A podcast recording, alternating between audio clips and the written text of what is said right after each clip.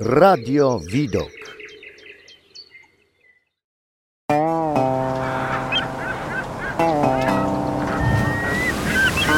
Stronę słońca.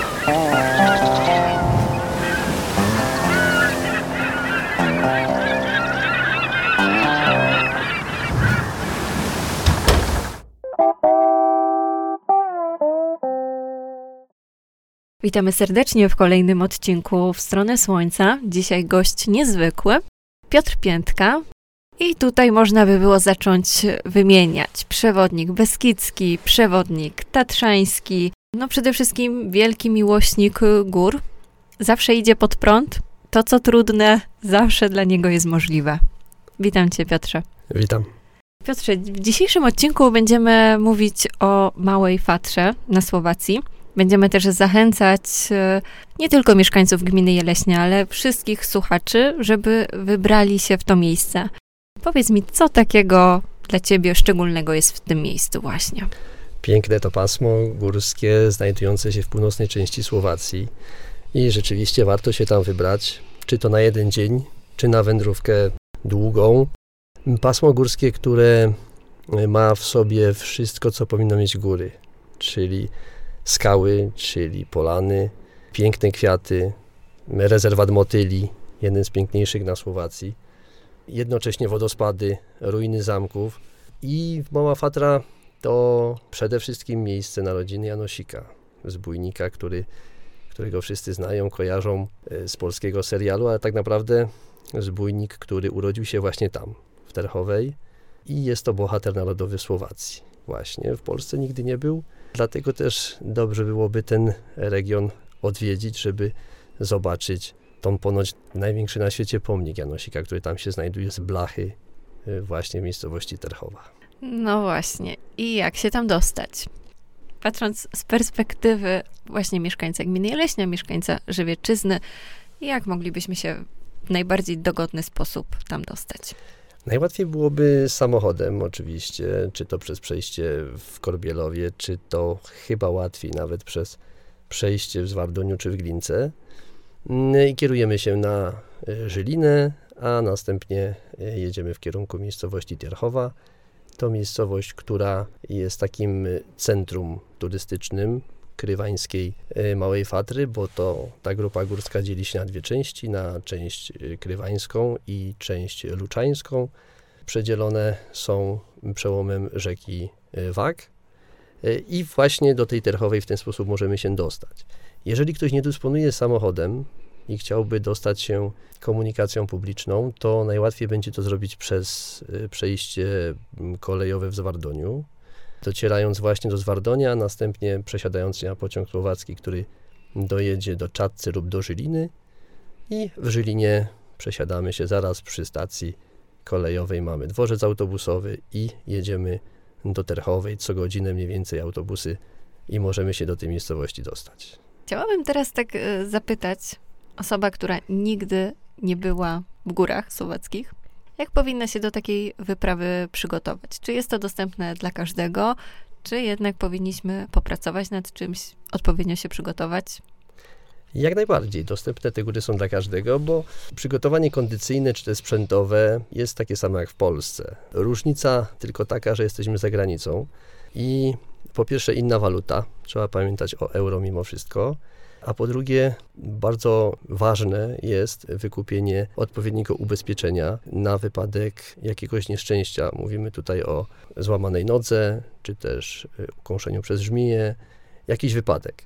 Więc y, takie ubezpieczenie horskiej służby, tak byśmy to nazwali, jest na Słowacji obowiązkowe i tam ta służba górska jest płatna. W Polsce nie, ale na Słowacji tak. Jeżeli ktoś się ubezpieczy tutaj na miejscu, to wtedy ratownicy bezpłatnie po taką osobę przyjdą. Jeżeli nie, no to mniej więcej około 10 tysięcy euro taka akcja górska do 10 tysięcy euro kosztuje i trzeba to potem niestety zapłacić. Mhm, to jest bardzo ważna informacja. I tak sobie myślę, że osoba, która nigdy wcześniej tego nie robiła, może się zastanawiać, którego ubezpieczyciela wybrać. Nie chcę, żebyś reklamował tutaj konkretną firmę, ale gdzie, e, gdzie właśnie szukać takich informacji? Jak to zorganizować? Najlepiej y, na stronach słowackiej Horskiej Służby, czyli ratowników górskich słowackich.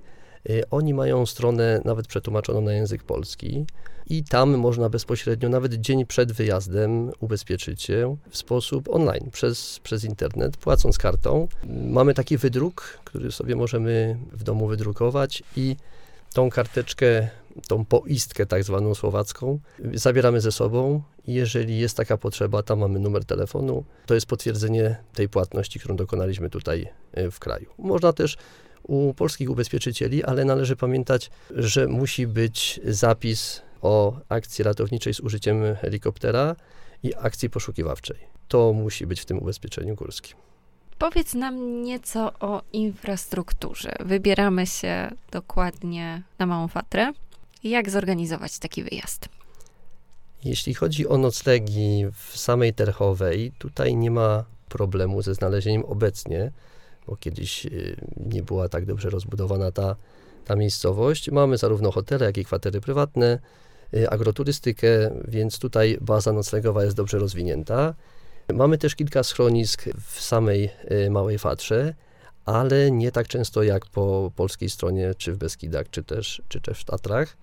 Natomiast jeśli chodzi o infrastrukturę typu wyciągi krzesełkowe, jest ich kilka, z tym, że ten taki najbardziej popularny, najbardziej oblegany to na przełęcz Snilowską pod Wielkim Krywaniem. To jest najwyższy szczyt y, Małej y, Fatry. Nie należy mylić z Krywaniem Tatrzańskim, który jest symbolem Słowaków. Natomiast to jest wyciąg, który można się właśnie tam dostać i następnie rozpocząć piękną wędrówkę w jedną lub drugą stronę po grzbiecie górskim Krywańskiej Małej Fatry. W tym samym miejscu w Dolinie Wratnej, bo to jest centrum Krywańskiej Małej Fatry, mamy też drugi wyciąg, który nas wywiezie pod e, południowy Groń. To są takie dwa miejsca, gdzie mamy wyciągi mm, krzesełkowe. Natomiast w części luczańskiej Małej Fatry, w tej drugiej części, już takich udogodnień nie ma. Przed naszym wywiadem troszkę rozmawialiśmy i powiedziałeś mi coś takiego, że nie tylko te wielkie góry y, cię fascynują, ale również to, co jest y, obok, że to sprawia ci również ogromną radość. Powiedz, co takiego szczególnego, właśnie tak osobiście, jeżeli możesz, jest w Małej Fatrze?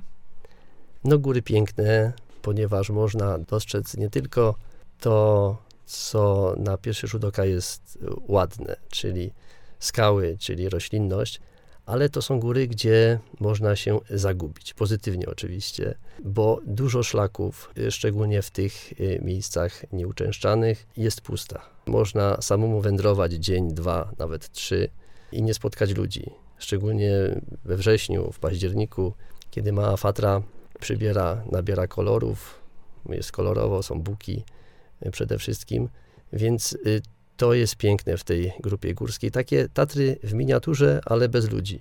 Jeżeli chodzi o nawet sezon turystyczny, lipiec, sierpień, y, to się zdarza. Jeżeli ktoś dobrze wybierze szlaki, no to rzeczywiście będzie czuł, że jest w górach i w tych górach jest sam.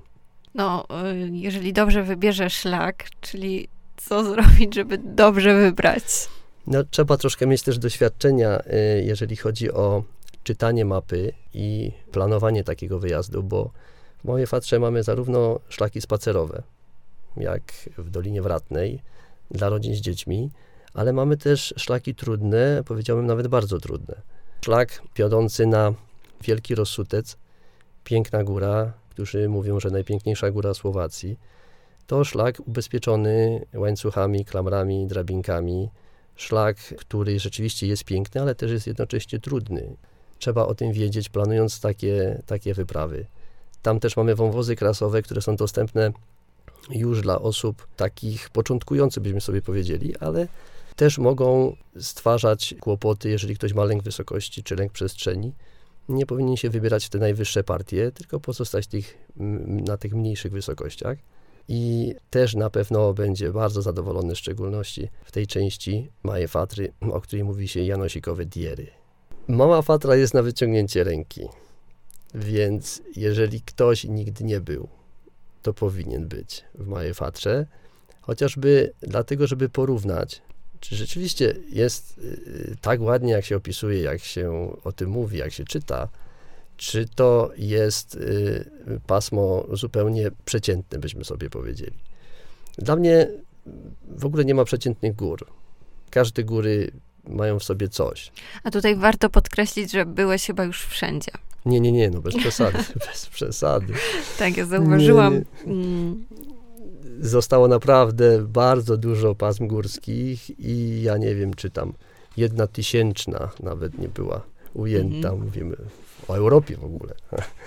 Więc y, wszystkie te góry mają w sobie coś pięknego i właśnie to nie jest tak, y, jak już tam rozmawialiśmy wcześniej. Y, wygląda to w moim odczuciu troszkę inaczej, że czasami pytają się osoby, byłeś tu, byłeś tam, byłeś wysoko, idziesz na, na Lipowską, idziesz na Pilsko czy na Halę Boraczą i, i to jest nisko. Co tam może być pięknego, skoro widziało się już nie takie góry, ktoś pyta. No właśnie.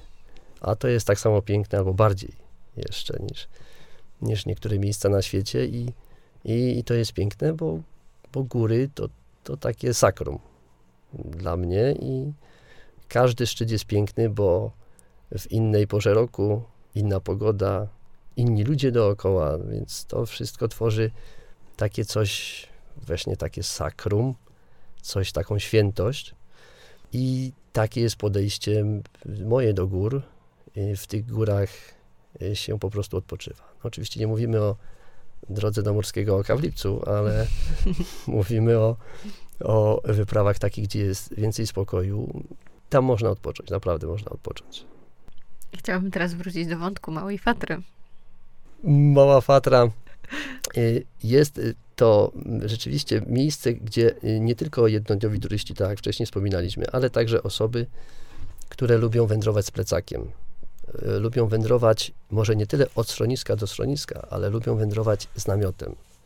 Y, Jest park narodowy. Trzeba wiedzieć, gdzie się rozbić, ale są takie możliwości i można przejść cały grzbiet, tak zwaną hrebieniałkę Małej Fatry, y, od Rozsudca aż hen po szczyt Klak, który się znajduje już na samym końcu Luczańskiej Małej Fatry. Piękna, kilkudniowa wędrówka, obfitująca fantastyczne widoki. Praktycznie nie schodzi się z głównego grzbietu. Cały czas idzie się granią i na początku startując od Rozsudca mamy teren skalisty, a potem piękne polany, które się ciągną aż praktycznie po ten ostatni taki ząbek, bo tak wygląda szczyt Klak y, w Luczańskiej Fatrze. Więc dla turystów, którzy lubią chodzić z plecakiem, to, to jest idealne, wymarzone miejsce.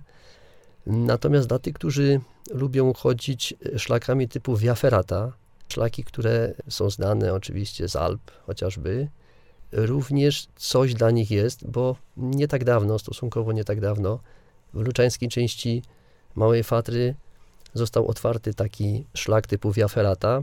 To jest y, najtrudniejszy turystyczny szlak, ogólnie rzecz biorąc. I żeby taki szlak przejść, należy mieć uprząż, należy mieć y, lążę i poruszamy się właśnie po takim y, szlaku za pomocą ląży i uprzęży, pokonując w tym wypadku Dolinę Potoku, więc przechodzi się nad wodospadami, idąc w górę. Taki szlak w luczańskiej części Fatry, y, Małej Fatry również, również jest. Mm, Chciałabym zapytać się o takie e, twoje przygotowania. Ile to czasowo też wychodzi, jeżeli się wybierasz tak w to miejsce? Jak to wygląda? W zależności, czy udaje się mm, sam, czy z przyjaciółmi, czy też y, prowadzę wycieczkę, Mhm. y, te przygotowania y, wyglądają różnie. Jeżeli jadę sam, mam jeden dzień do dyspozycji. Praktycznie, jeżeli człowiek dużo chodzi po górach, to możemy powiedzieć, że może pójść z marszu, jak to czasami się mówi, i wybrać sobie taką trasę, którą wie, że przejdzie. I to jest bardzo istotne, żeby dobierać trasy do własnych możliwości. Y, Tutaj nie bijemy rekordów, tutaj nie biegamy po górach, bo możemy biegać po górach, ale to jest inny cel troszkę, y, bardziej sportowo. Mówimy o przejściach turystycznych. Dobieramy trasy do własnych możliwości, nie po to, żeby komuś zaimponować, ale nie dam rady później przejść, tylko po to, żeby samemu się dobrze czuć na takim szlaku. Więc y, musimy się zastanowić, jaką mamy kondycję, jaką trasę mamy obrać. Jeżeli tej kondycji nie mamy, jest moment taki wczesnowiosenny, jesteśmy po zimie, a na nartach, na skiturach na przykład nie chodziliśmy, nie jeździliśmy na nartach, więc ta kondycja może być słaba, to trzeba tą kondycję zrobić. Najpierw gdzieś w Beskidach, jakieś e, szlaki łatwiejsze, a potem coraz wyżej. Jeżeli mamy kondycję, dobrze się czujemy, dobrze się nam chodzi i wtedy możemy atakować coś wyższego. Więc tutaj y, kondycja to raz. Dwa, sprzęt górski y, bardzo podobny, jak już wcześniej wspominałem, y, jak przy chodzeniu po Beskidach czy po Tatrach. No i kwestia dojazdu, którą omawialiśmy. To jest pasmo niedaleko. Jeżeli ktoś rzeczywiście dysponuje samochodem na jednodniowy wypad, Idealny. idealny. Tak jest. Dobrze, idealny. E, Ty również tam e, z grupami, tak? E, Oprowadzasz ich? Tak. Mhm. Y, Ja po Małej Fatrze również Mhm. prowadzę i trzeba przyznać, że tych wycieczek jest coraz więcej. Mhm. Dzwonią osoby, dzwonią grupy, pytają, co by można było na Słowacji zrobić, albo inaczej pytają, co w tej Małej Fatrze można zrobić, gdzie można pójść i co można zobaczyć. W zależności od tego, jaka to jest grupa, taki staram się podpowiadać program, mm, jeżeli chodzi o wędrówki po Małej Fatrze, bo również miejscowości, które są u podnóża Małej Fatry, czy też nie- niedaleko Małej Fatry, są godne polecenia. Co możemy w nich zobaczyć? Y, Zamki, Mhm. ruiny zamków. Możemy zobaczyć y, skanseny, ten, który chociażby w Martinie mamy, czy możemy zobaczyć w wioskach żywy folklor. Y, Więc to, to są miejscowości, które są czasami bardzo głęboko położone gdzieś w górach, zapomniane i y, tam jeszcze komercja nie dotarła. I to są te piękne miejsca. Mhm. Wracamy znowu na Małą Fatrę, twoja ulubiona trasa. Moja ulubiona Mhm. trasa, no, na pewno y, główny grzbiet Małej Fatry, krywańskiej części, ale luczańskiej również. No i trasa, która prowadzi na ten chyba najpiękniejszy szczyt, jakim jest Wielki Rosutec, przez diery, czyli janosikowe, diery nowe, górne i, i dolne, to są chyba te najpiękniejsze miejsca. Przede wszystkim ja tak sobie myślę, że mieszkamy bardzo blisko Słowacji i to jest świetna propozycja, żeby e, wybrać się w to miejsce. Mógłbyś zachęcić naszych słuchaczy, żeby właśnie dokonali takiego wyboru i udali się na Małą Fatrę. Spróbuj ich przekonać. I jak najbardziej. y, I ja bardzo polecam to miejsce z tego właśnie powodu, że, że możemy zobaczyć coś innego. Jest to niedaleko, jesteśmy przyzwyczajeni do takich y, krajobrazów jak Beskid Żywiecki, Mały czy, czy Śląski, Y, a tutaj nagle zaraz za granicą znajduje się pasmo górskie, które wygląda zupełnie inaczej. Żeby sobie porównać, jak wygląda ta roślinność w tym miejscu, jak wygląda e, budowa geologiczna, skały, jak wygląda tam infrastruktura, czy też chociażby jedzenie w schronisku. Więc to, jest, to, są, to są rzeczy, które, żeby się wypowiedzieć na ten temat, że jest lepiej lub gorzej, to trzeba to zobaczyć i trzeba to poczuć. Więc weekend w Małej Fatrze jak najbardziej, jeżeli ktoś ma tylko sobotę, jeżeli ma ktoś tylko niedzielę, to też jak najbardziej bo y, Mała Fatra rzeczywiście na długo pozostaje w pamięci. Pozwolę sobie zadać jeszcze jedno ostatnie pytanie, ponieważ na antenie naszego radia bardzo często mówimy o jedzeniu, o tym, co dobrego można zjeść w danym miejscu.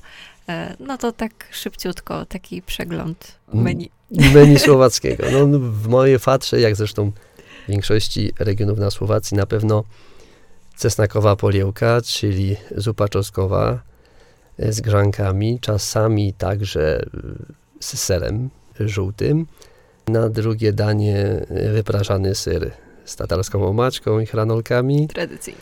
tradycyjnie i ciapowane piwo do tego jak najbardziej, bo, bo powinno nawet być. W zależności, w której jesteśmy części Słowacji, takie, takie piwko. Niektórzy nawet specjalnie na Słowację jeżdżą, żeby pokosztować. Y, I to jest y, taki mm, klasyczny, powiedzielibyśmy sobie, y, zestaw.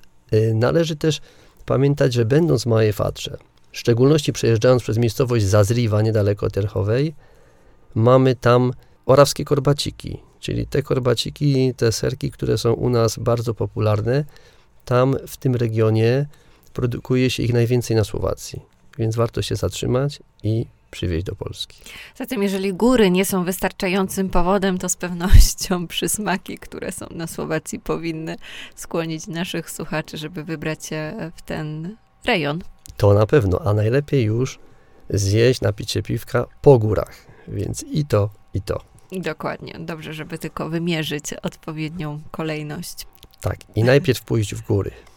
Dokładnie, także serdecznie zachęcamy do tego.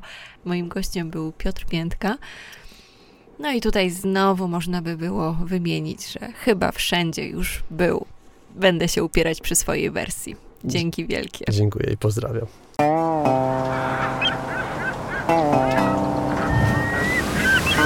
Stronę Słońca.